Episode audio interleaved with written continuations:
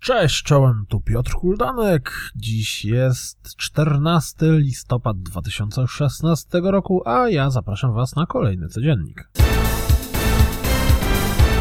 Oto gra, która Was kompletnie nie interesuje, ale zwiastun musicie zobaczyć, bo jest całkiem heheszkowy. Madden NFL 17 w cudownym coverze. Serio, cudo. Zastanawialiście się, jak się czuł Mark Watney? The Martian VR Experience pozwoli Wam wczuć się w jego sytuację. World of Tanks dostanie nowy czołg, który przedstawiono zwiastunem. Rad Rogers nawet w zwiastunie premierowym nawiązuje do staroszkolnych platformówek. Gra jest dostępna na Steamie i Gogu, a za jakiś czas pojawi się na PlayStation 4. A co powiecie na Audi R8 w wersji limitowanej związanej z Final Fantasy XV, dostępne za jedynie 470 tysięcy dolarów? Pojawił się nowy zwiastun The Sexy Brutal, przedstawiający postać Renigalda Sixpence. Zwiastunem zaprezentowano fabularne DLC do Battleborn.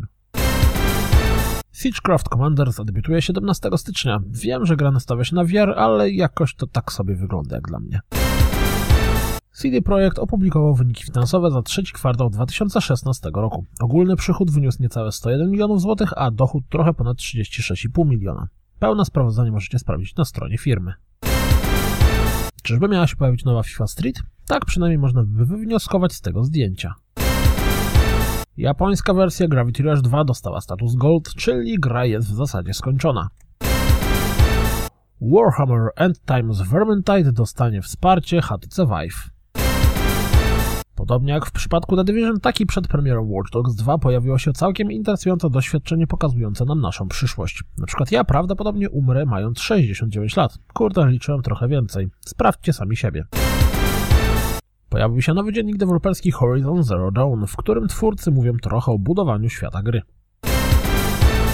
Kolejny specyficzny dziennik deweloperski, tym razem połączony z pokazywaniem rozgrywki Let It Die, czeka na obejrzenie. Lubicie oglądać jak ktoś się rozbiera, a jak ktoś rozbiera na części konsolę? No to ten filmik jest stworzony z myślą o was. Swoją drogą powinna być druga część tego filmiku, gdzie gość składa konsolę i na koniec zostają mu dwie śrubki. Wygląda na to, że San Francisco w Watch Dogs 2 będzie dość rozległe. A co do Watch Dogs 2, to warto sprawdzić również wywiad z Creative Dyrektorem gry. Zastanawiacie się jak się gra w Tyranny? No to sprawdźcie pierwsze 11 minut rozgrywki. Jeśli jeszcze nie przykryś... Pomyłka, błąd, nie słyszeliście tego. Jeśli jeszcze nie sięgnęliście po Dishonored 2, to może pierwsze 17 minut gry w 4K, no dodatek was do tego przekona. Pojawiło się kolejne 40 minut rozgrywki z Jakuzy 6.